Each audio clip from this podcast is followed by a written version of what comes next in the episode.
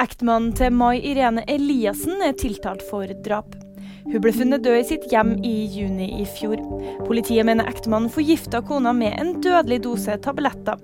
Han hevder sjøl at han hjalp kona i et barmhjertighetsdrap. Visar Avdyli er pågrepet i Kosovo.